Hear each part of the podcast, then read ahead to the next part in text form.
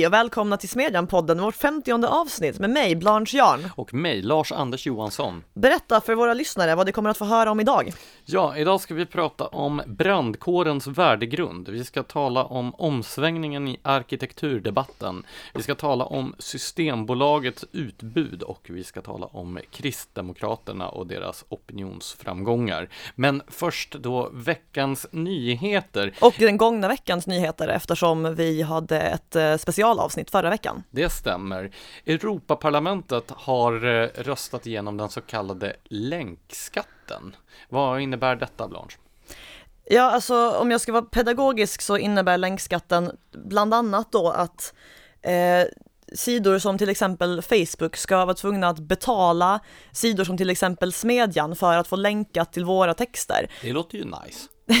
ja, alltså jo, förutom att Facebook kanske inte har ett jättestort intresse av att skriva på ett avtal med just oss. Alltså, vi är ju stora och liksom intellektuella giganter och allting, men det finns ändå en risk att vi kan drabbas negativt. I min värld är Smedjan och Facebook jämförbara storheter. Okej, okay. Eh, det, det, är bra att höra, jag hoppas våra lyssnare ser det likadant.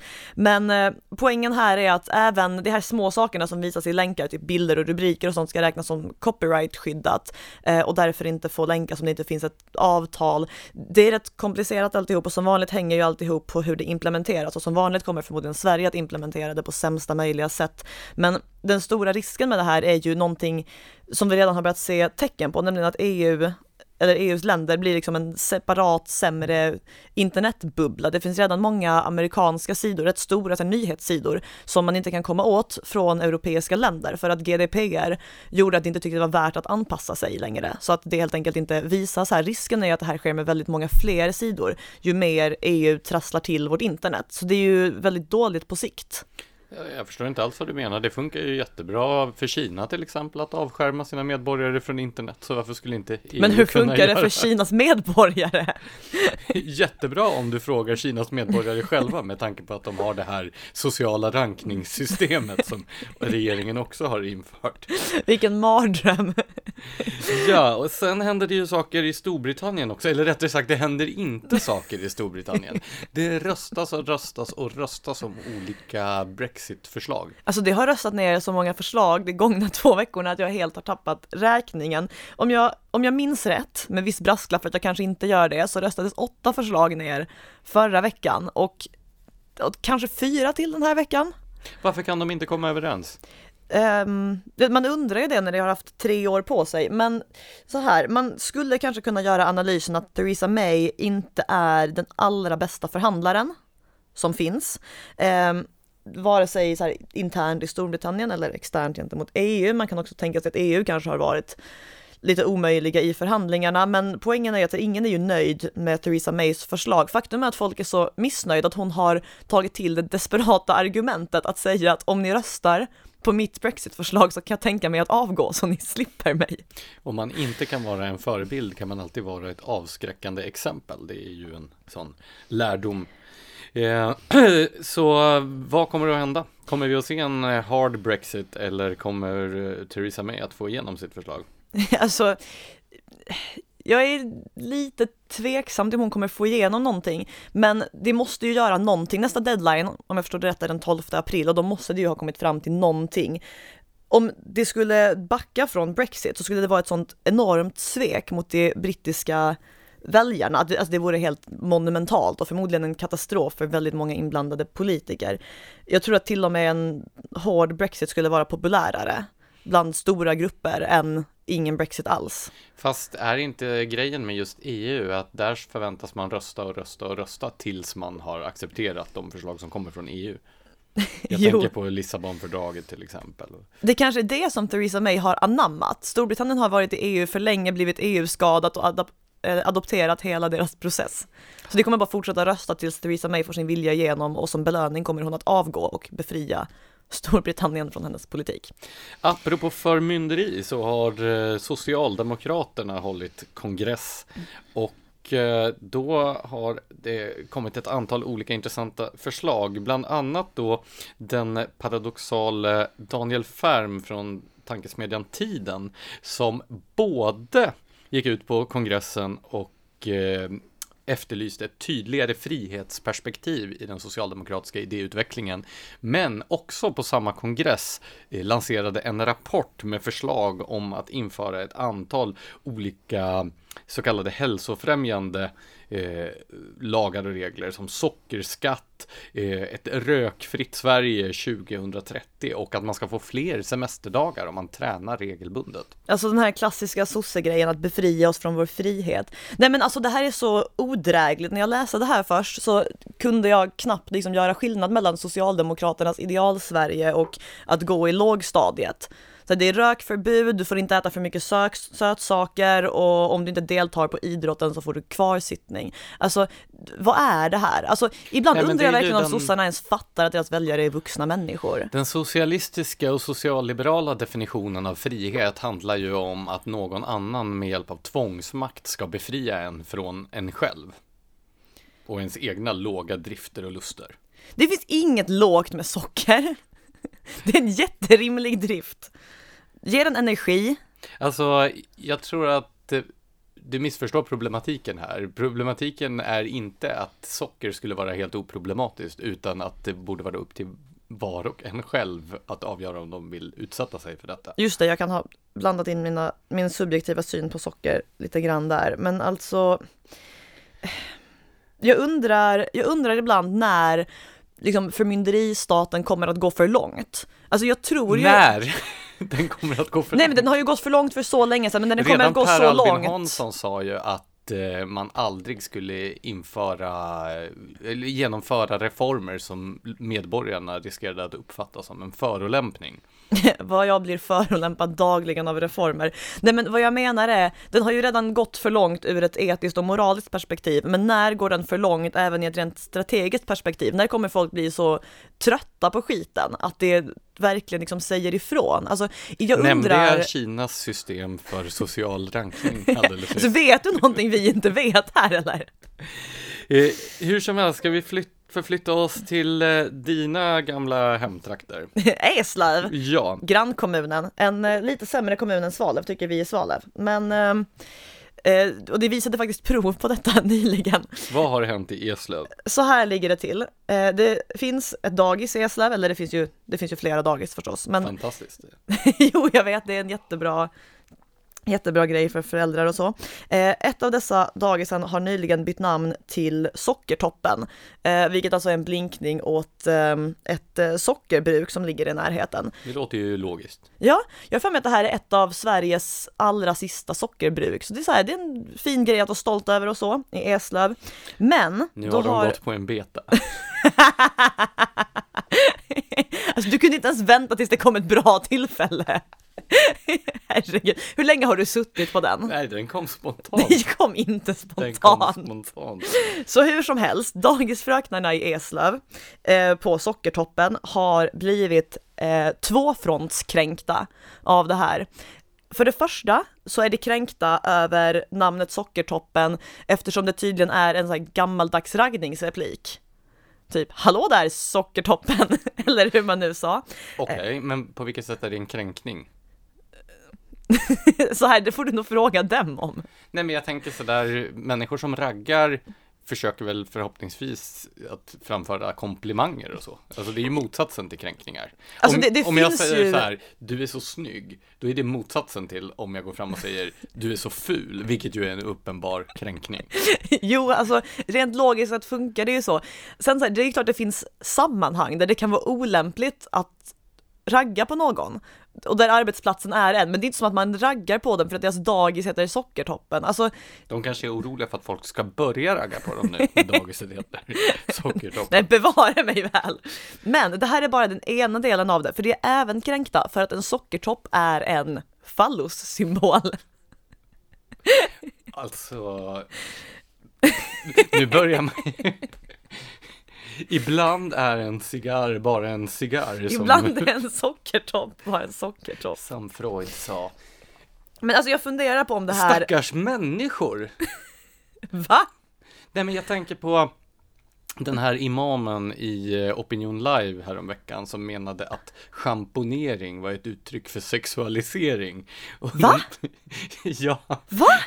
det var naturligtvis en debatt om huvudduken och då var det en im- imam som eh, då replikerade på någon som menade att det var dumt att sexualisera unga flickor genom att påstå att schamponering var sexualisering på samma... eh, Du var väl bortrest när det här inträffade? Jag, jag tror det, men jag har sett referenser till det här på Facebook och tänkt så här, vad fan, och så har jag bara känt att jag orkar inte ens gräva i det för att det lät för sjukt. Men okej, det var alltså en person som, ja, Ja. okej. Eh, och eh, här har vi ju då ett gäng dagisfröknar som tar ett steg till. De sexualiserar även sockertoppar alltså. Ja, det här måste vara peak kränkthet, eller som det också heter, toppen. Ja, och eh, med denna ordvitskavalkad så kan vi väl gå över till Så kan vi väl sockra podden lite med dagens Jag orkar ämne. inte. Eh, dagens första huvudämne då, brandkårens värdegrund. Det har du skrivit om. Ja, Berätta, ehm, vad är bakgrunden? Bakgrunden är rätt lång, men det som gör den aktuell är att två brandmän nyligen fick 150 000 kronor var i skadestånd av Södertörns brandförsvarsförbund. Och om jag förstår det rätt så är det också ett ganska högt skadestånd i sammanhanget. Vad det handlade om är att det Eh, för några år sedan sorterades bort ur rekryteringsprocessen eh, för att bli sommarvikarier som brandmän då, eftersom de hade fel värdegrund. Eh, detta tog sig uttryck i att de skrev en debattartikel 2014 om att brandförsvaret bör ställa högre krav på dem som antas till att bli brandmän.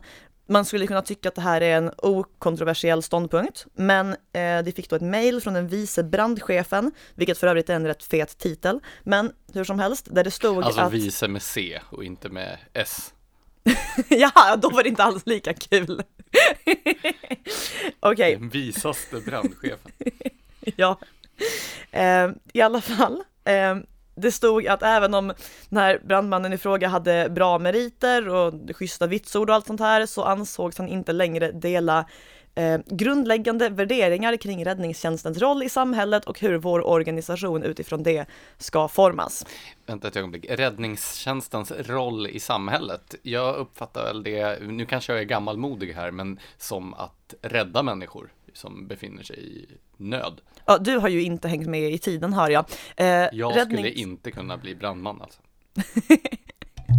Nej. Ehm, så här.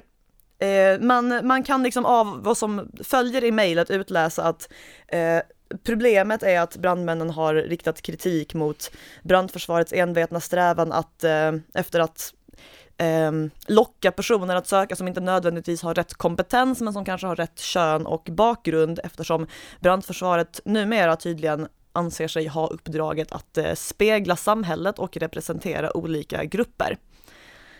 Och Ehm, detta är alltså viktigare än att rädda människor som befinner sig i nöd.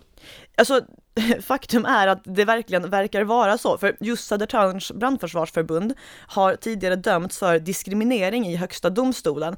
Samma sorts sommarvikariat, där hade de sorterat bort eh, personer, ja, alltså då män med svenskt ursprung som hade både relevant utbildning och arbetslivserfarenhet till förmån för personer som saknade både utbildning och arbetslivserfarenhet, men där hälften hade utländskt ursprung och hälften var kvinnor. Två av dem klarade alltså inte ens de fysiska testerna och det här säger en del om prioriteringsordningen som finns där. Eh, man kan tycka att det här är en rätt rimlig värdegrund att ifrågasätta. Alltså det är ju snarare ett sundhetstecken att det finns personer som invänder mot den än att alla helt enkelt hänger med. Men det här är ju ett, så här, det här är ett större problem än bara Södertörns brandförsvarsförbund. MSB, som är den ansvariga myndigheten, har producerat så många så här dokument och rapporter tillsammans med genusvetare och handböcker och så, där det gör klart just det här att eh, det är bra för brandkåren om kvinnor är representerade i högre grad för man måste förstå samhället och ha olika perspektiv och alltså om vi tänker rent så här krasst, hur mycket genusperspektiv behöver man för att förflytta en människa ut ur en brinnande byggnad? Nej men det är fullständigt obegripligt detta och jag undrar om det överhuvudtaget överensstämmer. Finns det här i regleringsbreven till räddningstjänsten eller är det någonting som kommer på eget initiativ inifrån myndigheterna? Alltså, Är det politiken som har bestämt att räddningstjänsten ska spegla samhället som det heter? Alltså det, eh, brand, brandförsvaret har ju jämställdhetsintegrerats som myndigheter görs nu för tiden och då måste man ju enligt statens direktiv så här, inkorporera ett eh, jämställdhetsperspektiv i alla delar av verksamheten. Jämställdhetsintegrering, det är väl några välbetalda konsulter som skinnar skattebetalarna? Som jo men typ, det. Ja. yes. Eh, men det skedde ju efter att MSB bildades om jag minns rätt 2009, kan vara 2008, men i alla fall det upprättade rätt tidigt en så här handbok för jämställdhet som också innehåller en del så här väldigt identitetspolitiska idéer. Så jag tror det kan ha funnits där från början. Sen vet jag inte om det kom just genom regleringsbrevet eller på eget initiativ, sådana initiativ sker ju. Men, ehm, men i alla fall vad som hände i det här fallet med de två brandmännen, det var att eh, justitieombudsmannen kom fram till att ehm, eh, den här exkluderingen av dem ur rekryteringsprocessen både bröt mot grundlagens förbud mot repressalier, det vill säga att arbetsgivare inte kan få eh, bestraffa anställda, för det hade, det hade under delvis och på deltid och så arbetats på det här stället tidigare. Så det var, det var som att det redan hade en sorts arbetstagarkoppling till Brandförsvarsförbundet. Så det hade då brut, eller förbundet hade då brutit mot förbudet mot repressalier och så skrev justitieombudsmannen också att det innebar en mycket allvarlig kränkning av deras yttrandefrihet och meddelarfrihet. Och jag är ju egentligen av åsikten att privata företag bör egentligen få diskriminera folk på hur dumma grunder de vill och sen se hur bra de klarar sig, en sorts naturligt urval. Så den som går på andra saker än kompetens kommer ju förlora på det. Och det är en liksom rimlig bortsortering av personer som är dåliga på att driva företag. Men när det gäller någonting vi alla... Framförallt är det ju en äganderättsfråga. Ja. Man måste få göra affärer med vem man vill om det är ens egna grejer. Och slippa göra affärer med vem man vill ja, om man inte... Vilket är ännu viktigare. Ja. Däremot så är det ju, en, precis som du påtalar, en helt annan sak när det kommer till offentlig verksamhet. Ja, och framför allt när det gäller offentlig verksamhet vars tjänster verkligen kan vara livsavgörande. Då kan man inte hålla på och sätta identitetspolitik före sitt egentliga uppdrag på det här sättet. Ehm, men därför är det ju en positiv nyhet att de här båda brandmännen fick upprättelse och ehm, ja, men helt enkelt att det har befästs att de har rätt att kritisera sin verksamhet utan att bli bestraffade för det. För ingen verksamhet blir framgångsrik av att göra sig av med alla som ifrågasätter den. Sen så har ju du eh, och din sida skrivit om eh, arkitekturdebatten. Vad händer där? Ja, det händer intressanta saker. Det vi har kunnat se de, eh, jag skulle säga kanske två senaste åren, eller framförallt år 2018, är en viss förskjutning i, tyngd, i tyngdpunkten. Och det är ju välkommet för att det finns, det finns ju få delar av offentligheten som så tydligt har manifesterat den här så kallade åsiktskorridoren som just arkitekturområdet.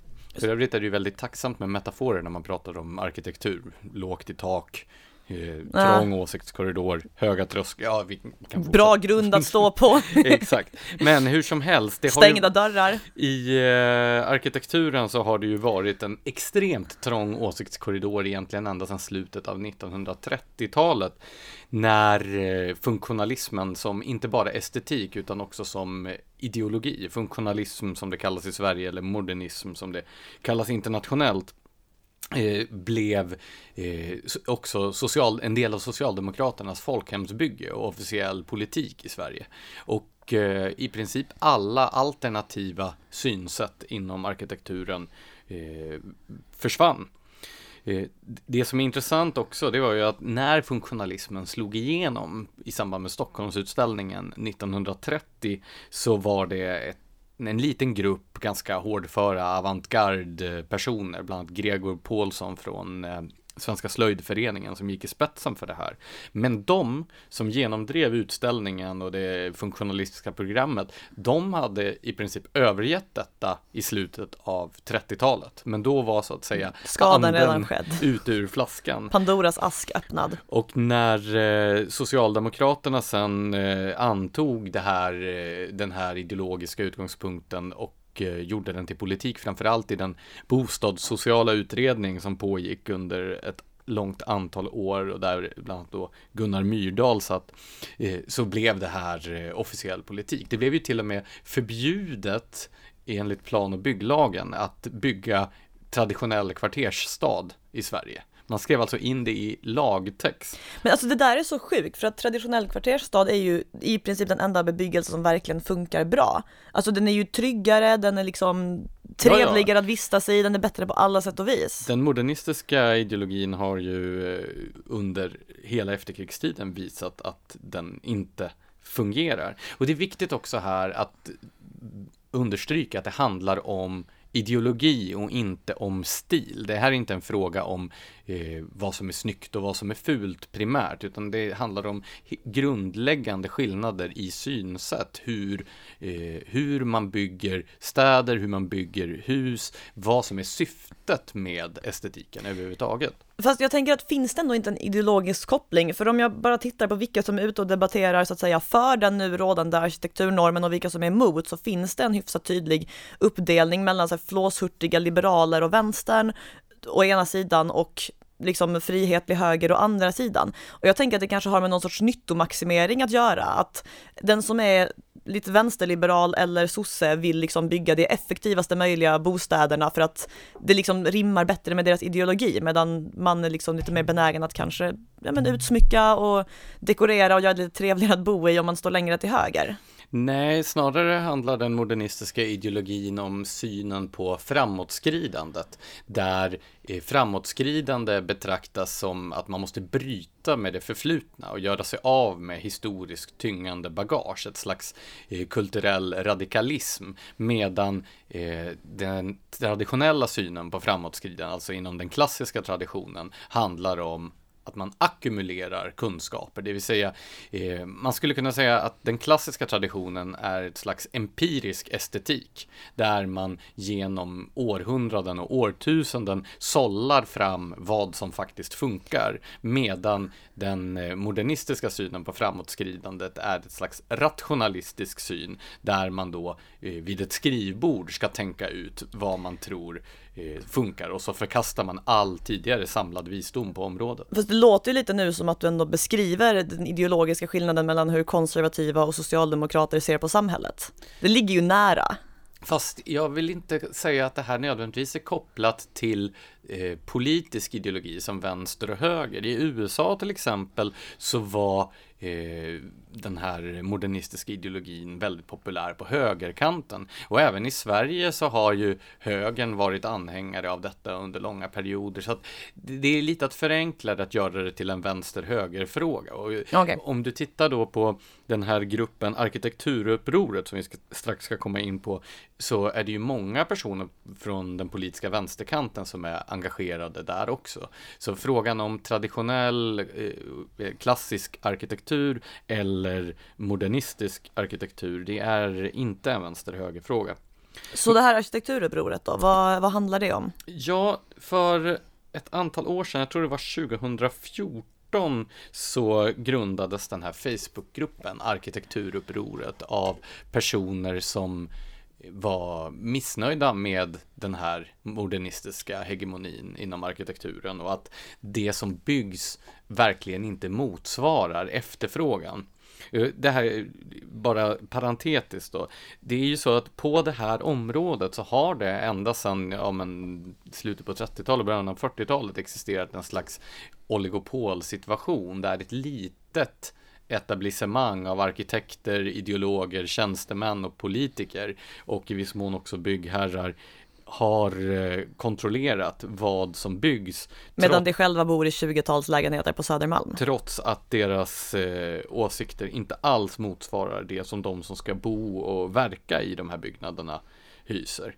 Så det finns ju gott om undersökningar som visar vad folk uppskattar för typer av stadsmiljöer och där brukar det vara alltså någonstans mellan 75 och 85 procent som föredrar klassisk tradition och återstående som föredrar det modernistiska. Och jag tror att om det hade byggts i de proportionerna så att det hade varit en 15 till 25 procent som var modernistiskt, då tror jag inte att människor hade haft problem med det modernistiska heller. Då tror jag snarare att man kanske hade upplevt det som att det var lite fräscht, att det bröt av mot det dominerande. Men nu när ja, nästan 100 procent av allt som har byggts under hela efterkrigstiden är i modernistisk stil, förutom villor där människor själva har möjlighet att påverka utseendet på sina hus då, naturligtvis. Ja det där är ju ett så tydligt tecken på att det egentligen är vad folk vill ha, att så fort de får bestämma själva så byggs det inte det här läskiga modernistiska lägenheterna med gigantiska öppna planlösningar. Jag skulle säga att eh, när det gäller eh, villaarkitekturen, där speglas nog ganska bra smaken hos allmänheten. Där är det väl kanske en 15-20% som bygger i modernistisk stil och resten som vill ha traditionella hus med snedtak och, och eh, vita knutar och så vidare. Men vad har då arkitekturupproret gjort? Det som jag skulle säga, det var att eh, det här visar att varken demokratin eller marknadsekonomin får genomslag inom arkitekturen. Och det här har gjort att det finns väldigt många människor som är upprörda och trötta över detta och arkitekturupproret blev en Facebookgrupp för människor som var förbannade på den dominerande estetiken och ideologin inom arkitekturen. Där de började med att posta bilder på fula hus och på, alltså fula nybyggda hus och på platser, framförallt då sådana här före efterbilder där man kunde se ett gammalt vackert hus som hade rivits och sen vad som har byggts istället. Och sådana där bilder kan verkligen vara jobbiga att se, typ så här av klara kvarteren i Stockholm versus Hötorgsskraporna och sånt. Och den här eh, Facebookgruppen har ju nu växt och har tiotusentals medlemmar. Det har blivit ett slags gräsrotsrörelse på, på nätet. Och Eh, i början så avfärdades de här opinionsbildarna av arkitekturetablissemanget lite grann med en fnysning sådär. Att man såg ner på dem. Man kände väl att ens roll var ohotad, en ställning. Men på senare år så har i kraft av att den här rörelsen har blivit så stark och högröstad så har de också börjat tas lite mer på allvar, bjudas in till debatter och hörts i radio och tv och sådär. Och det har eh, det har blivit, jag skulle inte säga en mer ödmjuk hållning, det vore väl att stretcha det, men eh, åtminstone har eh, arkitekt eh, de etablerade arkitekterna blivit tvungna att förhålla sig till det här arkitekturupproret. Och nu då häromveckan så publicerades ett reportage i tidskriften Arkitekten som är branschorgan för eh, Sveriges arkitekter, alltså fackförbundet för, för arkitekter. Ett granskande reportage som, med eh, rubriken Fem år av hånfulla kommentarer. Är det här en rimlig sammanfattning av arkitekturupprorets insats de gångna fem åren?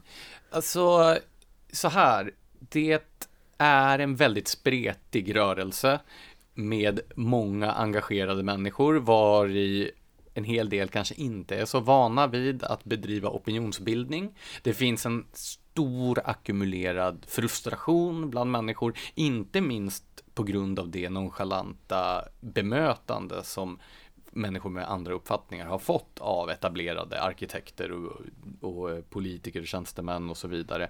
Eh, men, och det här leder ju då till att tonläget kanske inte alltid är Eh, så på det sätt som det bör vara i den offentliga debatten. Men en Facebookgrupp är väl också som en sorts märkligt gränsland mellan offentlig debatt och alltså det privata Facebook. Alltså folk kanske tänker att det är liksom hemma i sitt eget vardagsrum typ, fast i den här Facebookgruppen och då kan uttrycka sig som man gör hemma i vardagsrummet, där man ju säger, ja men kanske lite grövre saker än vad man tycker om modern arkitektur än man skulle göra, där till exempel arkitekten i fråga skulle kunna se det.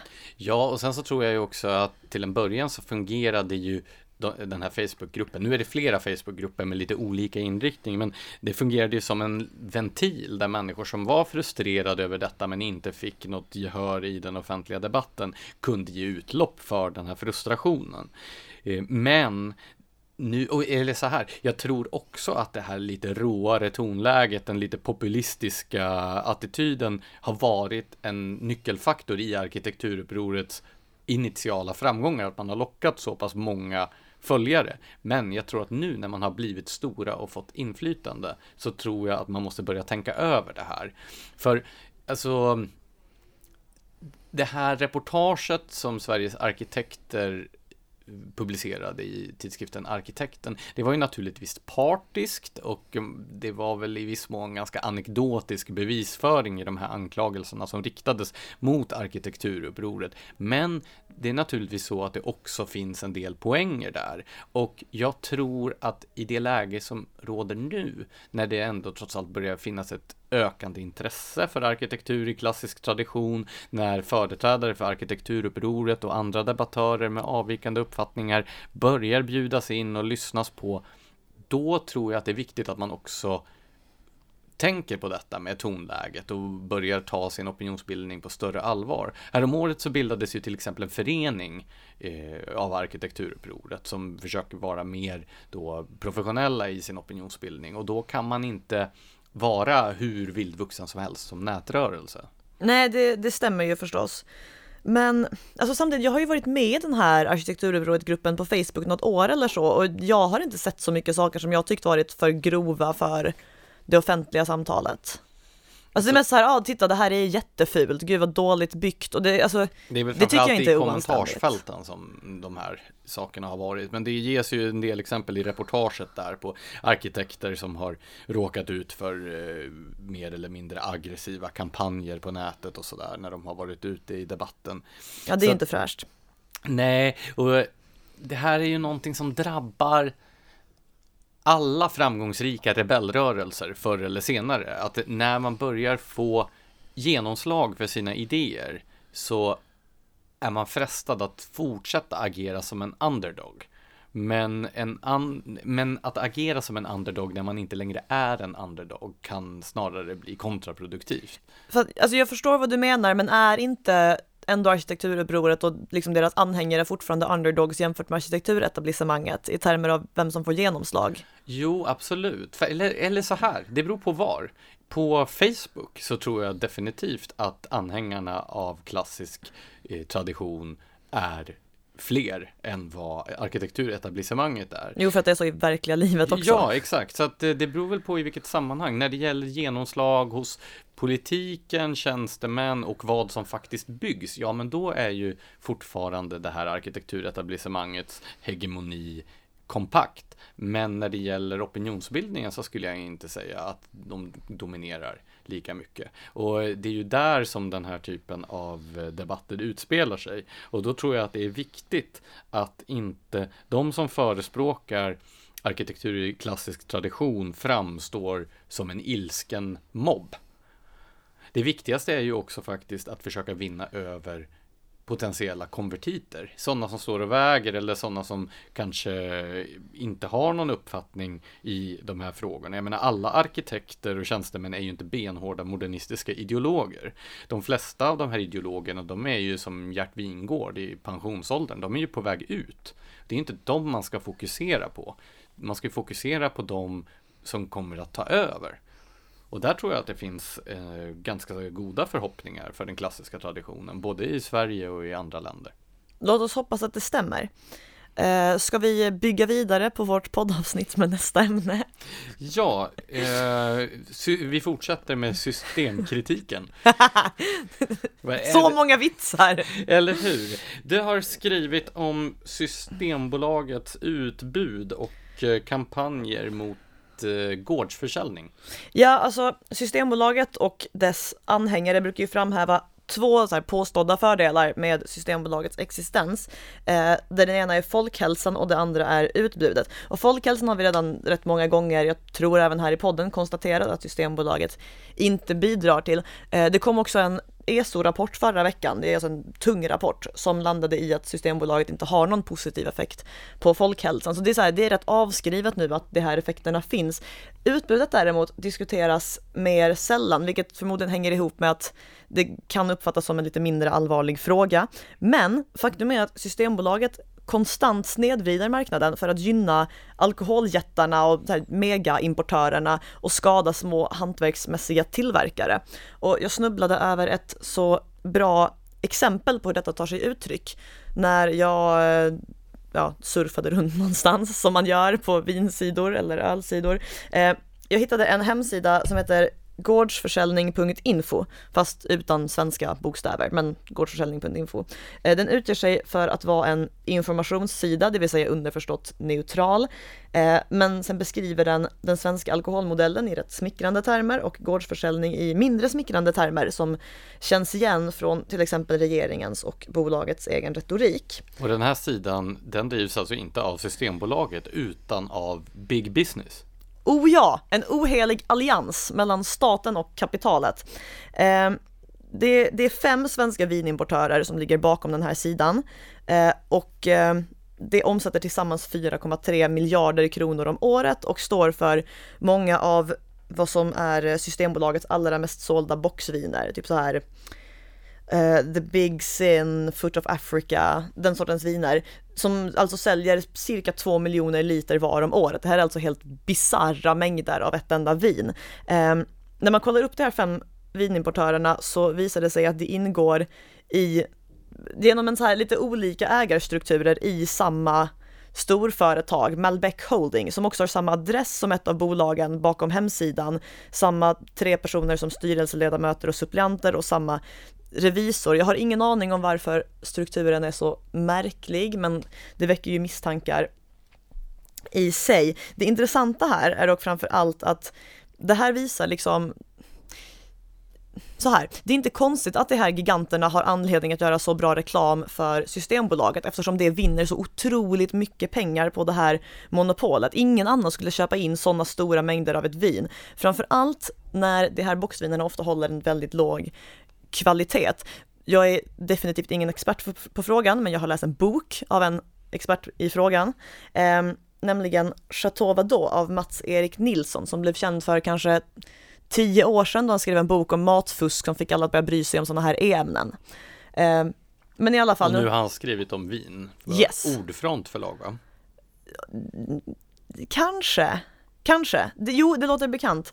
Eh, det är en rätt bra bok. Eh, den övergår sen i en så här kampskrift för naturviner, men den är också rätt intressant. Han har bland annat eh, ett helt kapitel om Systembolagets roll i hur konsumenter, framförallt i Sverige, mer eller mindre luras att köpa lågkvalitetsviner.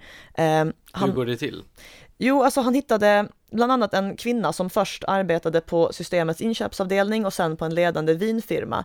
Eh, och hon går igenom hur vin alltså i princip specialdesignas med olika tillsatser och behandlingar. För att Systembolaget börjar med att lägga ut så här nästan läskigt specifika offerter, typ så här, ja vi vill ha ett medelsött rödvin med toner av lakrits, mögel och ja men gud vet liksom. Superspecifika. Och då finns det så här speciella gästkulturer, olika typer av tillsatser och extrakt och grejer som man blandar i rätt lågkvalitativa så kallade bulkviner för att få det att passa in perfekt i de här offerterna och sen skickar man in dem och har man tur så gör man storkovan på Systembolaget. Så de här boxvinerna som du nämnde, det är kemiska fabriksprodukter i princip? Rätt ofta är det ju det. Eh, och alltså, för att backa ett steg, Systembolaget beställer in de här väldigt stora mängderna eftersom det ju ska vara samma standardutbud i alla butiker. Så att man behöver liksom kunna fylla väldigt många olika butiker med samma sorts viner och, eh, och i så här. Jag tänker på Ernst Wigfors gamla bevingade fattigdomen fördrages med jämnmod om den delas av alla.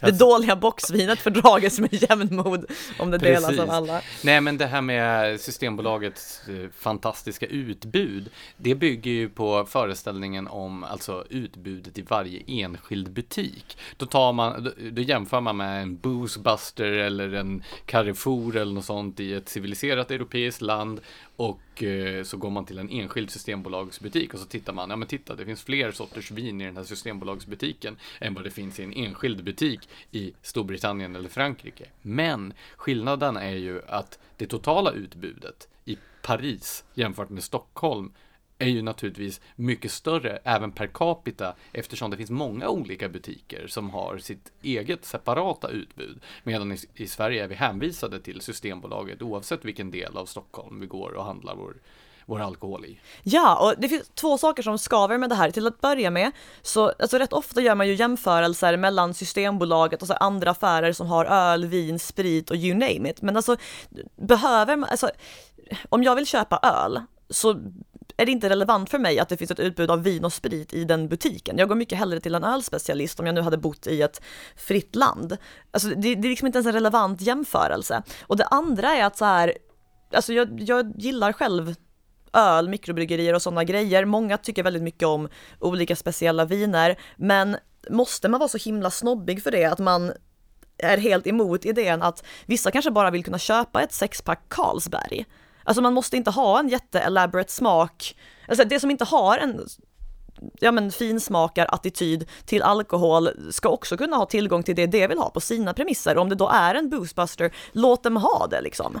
Men sen så är det ju dessutom så att även i lågprissegmentet, så jag har ju haft anledning att vara en del i Frankrike nu under våren och även i lågprissegmentet i butikerna så är det ju mycket högre kvalitet än vad det är i lågprissegmentet på Systembolaget. Ja, gud, jag var i Barcelona över helgen och kan intyga att samma sak gäller verkligen där. Så oavsett om du är finsmakare eller om du inte är så knusslig så har du ju allt att vinna på att slippa Systembolaget.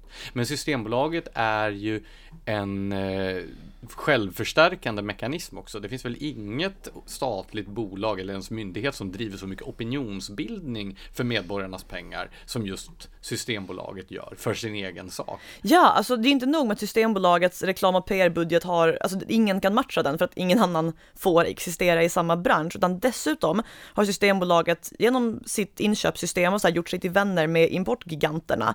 Så att Systembolaget köper in de här enorma volymerna av deras viner och i gengäld så nöjer sig vinjättarna inte med att tjäna storkovan utan gör dessutom smygreklam för Systembolaget som den här gårdsförsäljning.info. Så så här, vad, vad har konsumenterna liksom för chans mot ja, men staten och kapitalet? Men varför har vi en Systembolaget då? Det är varken bra för folkhälsan eller för utbudet eller för kvaliteten. Vad är, vad är uppsidan? alltså, ja, jag undrar verkligen. Jag tror det här handlar helt enkelt väldigt mycket om väldigt bra marknadsföring. Alltså i den senaste förtroendebarometern så har ju Systembolaget högre förtroende än polisen. Och det kan ju, det känns lite orättvist för att polisen försöker i alla fall dyka upp vilken tid på dygnet det än är, medan Systembolaget aldrig är öppet när man behöver det. Men det kan ju ha att göra med att polisen lägger lite mer resurser på att prestera med sina begränsade resurser, medan Systembolagets till synes obegränsade resurser läggs på att övertyga människor om att det inte alls är dåligt för deras utbud. Men och... är, det inte, är inte det här samma förtroendebarometer där Skatteverket toppar listan över myndigheter också? Fast är det någon myndighet man vet var man har så är det väl Skatteverket. Alltså det är ingen som oroar sig för att Skatteverket inte kommer att dyka upp och ha koll på ens ekonomi och sno ens pengar. Nej, det är ju sant. De är ju betydligt mer nitiska än de eh, myndigheter som till exempel delar ut pengar. Alltså jag väljer att tolka förtroendebarometern som ett mått på vet man var man har de här myndigheterna, inte tycker man de här myndigheterna gör något bra för ens liv eller för samhället. Så väljer jag att se det. Eh, Slutligen, Kristdemokraterna har du haft anledning att författa en text om. Ja, det, de hade ju sitt, vad är det de kallar det? Alla partier har ju olika namn. Är det det som sina... har landsmöte? Nej, det är något av de socialliberala. Alltså Sverigedemokraterna har ju sina landsdagar va? Eller? Oj, jag trodde det var typ Folkpartiet. Kommundagar, var det så det hette Kristdemokraterna? Är inte det Moderaternas? Varför kan de inte? Vi, kan vi bara kalla det kongress? Sossarna har faktiskt nej, det bästa men, namnet nej, men här. det är ju inte kongress. Alltså kongressen nej. är ju den stora, eh, alltså kommundagar oh, och landsdagar det. Oh. och det är ju två parallella saker. Så Kristdemokraterna har haft ett möte tillsammans? Alltså det är väl A-ligan och B-ligan eller något sånt där. A-laget och B-ligan. Apropå Systembolaget. Ja, i alla fall, de har träffats.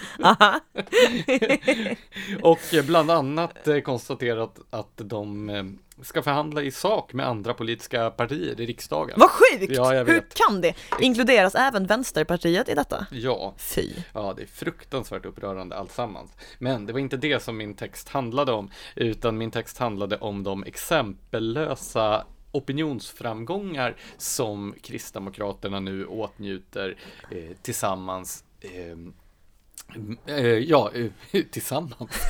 Så Vi sitter där tillsammans och njuter av sina present.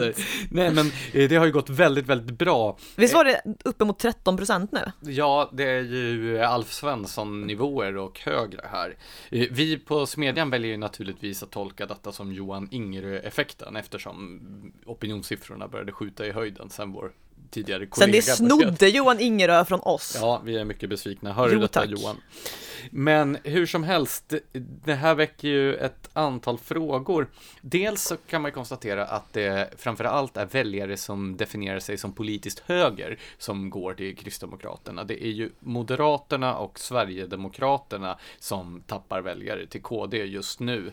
Jag kan föreställa mig att man på det moderata partikansliet är ett rov för stridiga känslor när man läser om de här opinionsframgångarna för eh, det tidigare eh, allianskollegepartiet. Ja, alltså Kristdemokraterna jag fick lite intrycket ett tag av att det jag tänkte, det finns ett bra så här utrymme mellan Moderaterna och Sverigedemokraterna, så det gick dit och sen kom Moderaterna och bara satte sig på dem. Men det är, det är som att nu har det mutat in ett utrymme som är deras, liksom så här kulturellt och politiskt mellan M och SD. Jag tror inte att det är riktigt så enkelt att man kan beskriva det helt linjärt heller. Men det som är intressant med detta att det är högerväljare som går dit, det är ju att Kristdemokraterna är ju inte ett särskilt högerorienterat parti om man tittar jämfört med de andra allianspartierna när det kommer till den ekonomiska politiken. De har ju varit, som Andreas Johansson Heine påpekade i Dagens Nyheter nyligen, eh, alliansens vänsteralternativ när det kommer till ekonomiska frågor. Ja, Timros chefsekonom eh, Jakob Lundberg påpekade ju också när han eh, listade skattealternativen i borgerligheten att ja, men om det var så här, något parti ville sänka marginalskatten mest och något det totala skattetrycket och det bästa han kunde hitta på Kristdemokraterna är att de vill sänka skatten mest för pensionärer om jag minns rätt. Så det säger ju en del. Och då infinner sig en rad frågor här. En sån är ju att de här högerväljarna som nu går från M och SD till KD, de gör ju det uppenbarligen då av andra skäl än den ekonomiska politiken. Det hänger väl ihop med att eh, det är andra frågor som står högst på dagordningen nu. Framförallt då de här kulturfrågorna som redan Göran Hägglund på sin tid försökte att uppmärksamma och positionera partiet i med sitt tal om verklighetens folk som väl var ett slags konservativ testballong men som inte funkade då eftersom debatten inte var mogen för detta. Fast samtidigt har ju uttrycket satt sig.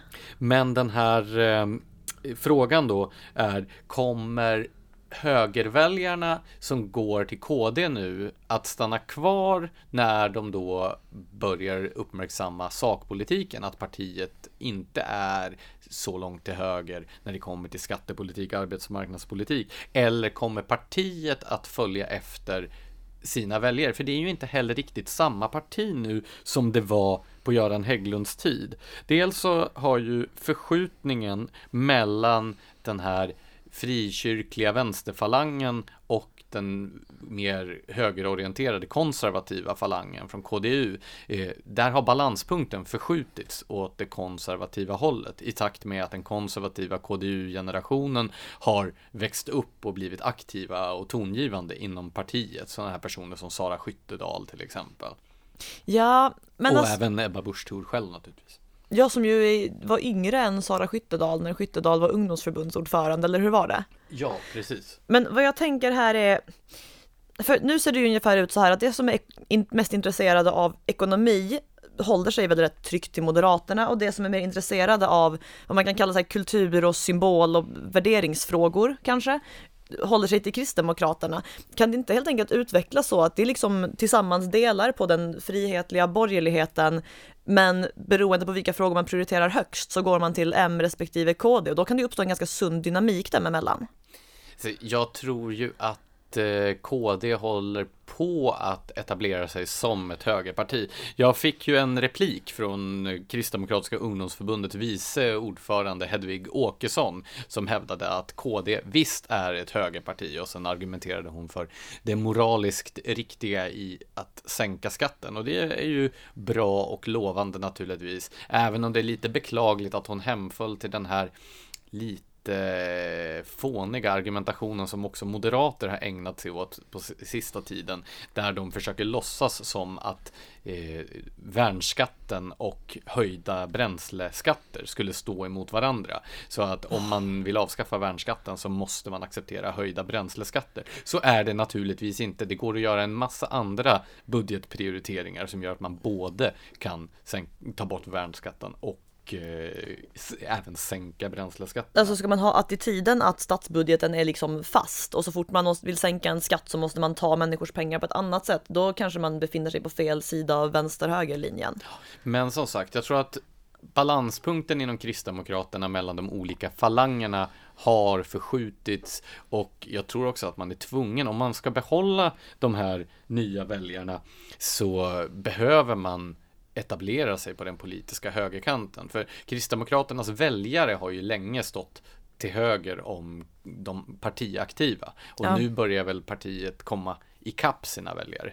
Det mest problematiska då, det är väl för Moderaterna, om det är så att Kristdemokraterna etablerar sig som ett högerparti och har högre trovärdighet både vad gäller vårdfrågor, vad gäller socialpolitik, vad gäller kulturfrågorna och även då ror hem den ekonomiska politiken, då har ju Moderaterna väldigt lite kvar. Jag konstaterade ju häromveckan i podden att eh, Moderaterna blivit omsprungna av alla, alltså till höger, om, av alla de andra allianspartierna och Sverigedemokraterna, fast på olika områden. Av Centern i skatte och företagar och arbetsmarknadspolitik, eh, av Kristdemokraterna i kultur och värderingsfrågor, i viss mån av Sverigedemokraterna på det området och eh, av Liberalerna i försvarspolitiken och i skolpolitiken. Så ja, det är inte så mycket kvar för Moderaterna. Nej, alltså jag har ett tag haft intrycket att det lever ju rätt mycket på så här gamla meriter för att det så länge var högerpartiet och nu är det inte alltså ett självklart högeralternativ alls på samma sätt längre. Så frågan är ju så här, när, när försvinner den sista generationen som fortfarande har det i ryggmärgen att Moderaterna är högeralternativet? Ja, det verkar som att det pågår en omsvängning där också, där Moderaterna försöker vinna tillbaka sina förlorade väljare. Eh, till exempel så kunde vi läsa att Moderaterna ska lansera en ny logga i helgen där då det här prefixet nya äntligen ska försvinna. Eh, det är ju på tiden, men alltså det där väcker ju ändå lite varningsflaggor. Moderaterna hade ju en logga jag verkligen tycker var jättebra för den gamla moderatloggan och sen så skaffade den här, ja men så här, deras nya, eller nu, nya, nuvarande logga är ju så intetsägande att det knappt finns. Men då är det väl positivt om de kommer att byta ut den? Fast alltså följ tangentens riktning liksom. Förändring är förnedring, för varje steg blir det sämre.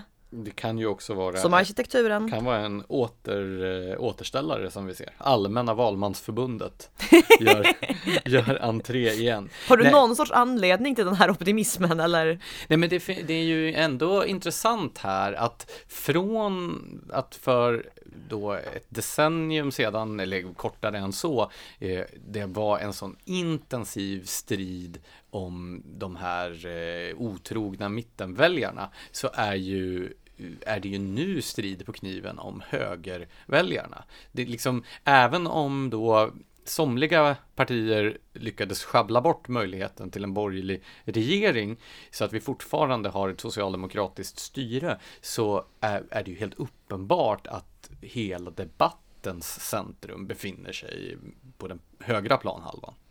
Ja, jag är ändå lite orolig att eh, de partier som gick över till Stefan Löfven kan komma att dra med sig en del väljare över dit också. Fast att döma av opinionsmätningarna så håller ju Liberalerna på att utradera sig själva och det går ju inte särskilt bra för Centern. Heller. Nej, okej, okay. det, det är för sig sant. Så förhoppningsvis så blev det väl lite av en näsbränna där, att den här januariöverenskommelsen eh, straffade sig. Hur som helst så eh, har den ju visat sig vara väldigt framgångsrik för Kristdemokraterna. Men det återstår att se hur mycket av den här opinionsökningen som är en faktisk ökning och hur mycket som är luft då. Ja, alltså det är ju mer än tre år till nästa val. Det kan ju hända så sjukt mycket saker innan dess. Men eh, jag har ändå lite förhoppningar för Kristdemokraterna. Det har ju en, det är ju som att det har en sorts kulturell rörelse bakom sig just nu, den här konservatism i klack som det snackas om. Eh, och alla partier som lyckas bli mer än ett kampanjorgan utan utstråla någon sorts ja men så här mer eh, någon sorts värderingsgemenskap, kulturgemenskap eller så blir ju tror jag mer attraktiva för den som vill engagera sig. Ja, den nya KDU-generationen verkar ju dessutom ha lite grann upplöst den här gamla sammanblandningen mellan konservatism och nördighet som har varit ganska kompakt i det svenska politiska landskapet. Så vad är det det har behållit, nördigheten eller konservatismen? Ja, det får väl bedömarna eh, själva avgöra. okay. Nej, men det verkar ju som att det inte längre är okult att vara konservativ och, då, eh, konservativ och då menar jag alltså okult i ungdoms och studentförbundssammanhang, inte i den stora världen där det naturligtvis är extremt töntigt att ägna sig åt politik överhuvudtaget. Ja, allting är ju relativt. Allting är inte relativt, men ju, i, i just det här sammanhanget. Okej, detta är relativt. precis så. Så du är alltså mer optimistisk om Kristdemokraterna än om Moderaterna här? Ja, det är jag. Har du en avvikande åsikt? Ja, nej, men jag tror att det är bra att eh, Kristdemokraterna eh, agerar blåslampa nu när Moderaterna är, ägnar sig åt någon slags introspektion och försöker finna sig själva. Ja. Jag tror också att Kristdemokraterna har goda utsikter inför eh, Europaparlamentsvalet där Moderaterna traditionellt brukar göra ganska dåligt ifrån sig. Och det kan väl bli en väckarklocka om inte annat för Moderaterna. Det har du helt rätt i. Ska vi lämna våra lyssnare med det och gå vidare till eh, lyssnarkommentaren? Ja, du fick ett mail. Jag fick ett fantastiskt mail. Eh, det är eh, Carl Johan Hagströmer som skrev så här. Hej Blanche! Jag hade tänkt skriva ett upprört mail till dig, men banne mig, du har rätt. Dismember är bättre. Vill dock påpeka att Amon Amart har tyngre hits, men jäklar vad deras gitarrer suger. Frihetliga hälsningar från en konvertit. Vi har lyckats, Lars-Anders! Det här är alltså någon slags vikingarockare som har bytt till dödsmetall på grund av Smedjan-podden. På grund av våra övertygande ställningstaganden. Jag känner dock en viss oro med anledning av att det här mejlet ställdes just till dig personligen. Och det är att jag undrar om den här Hagströmer har fått för sig att jag på något sätt är någon slags Amon Amart-anhängare och att det är du som är Dismember-anhängaren här i jag har, i redaktionen. Jag, jag har så många kommentarer jag tänker låta bli att yttra. Men eh, det kan ju också vara så att jag helt enkelt uppfattas som eh, lite så här trevligare och skönare så att det är mig man mejlar. Ja, det förefaller högst osannolikt. jo, det gör väl det. Men eh, jag, tror, jag tror ändå det är rätt tydligt att du inte är en Amon Amart-anhängare. Jag hade inte poddat med dig i så fall. Det låter bra. Eh, ska vi avrunda veckans avsnitt med att be om ursäkt för alla ordvitsar som har stått som spön i backen? Jag ångrar ingenting. Tack för att ni har lyssnat.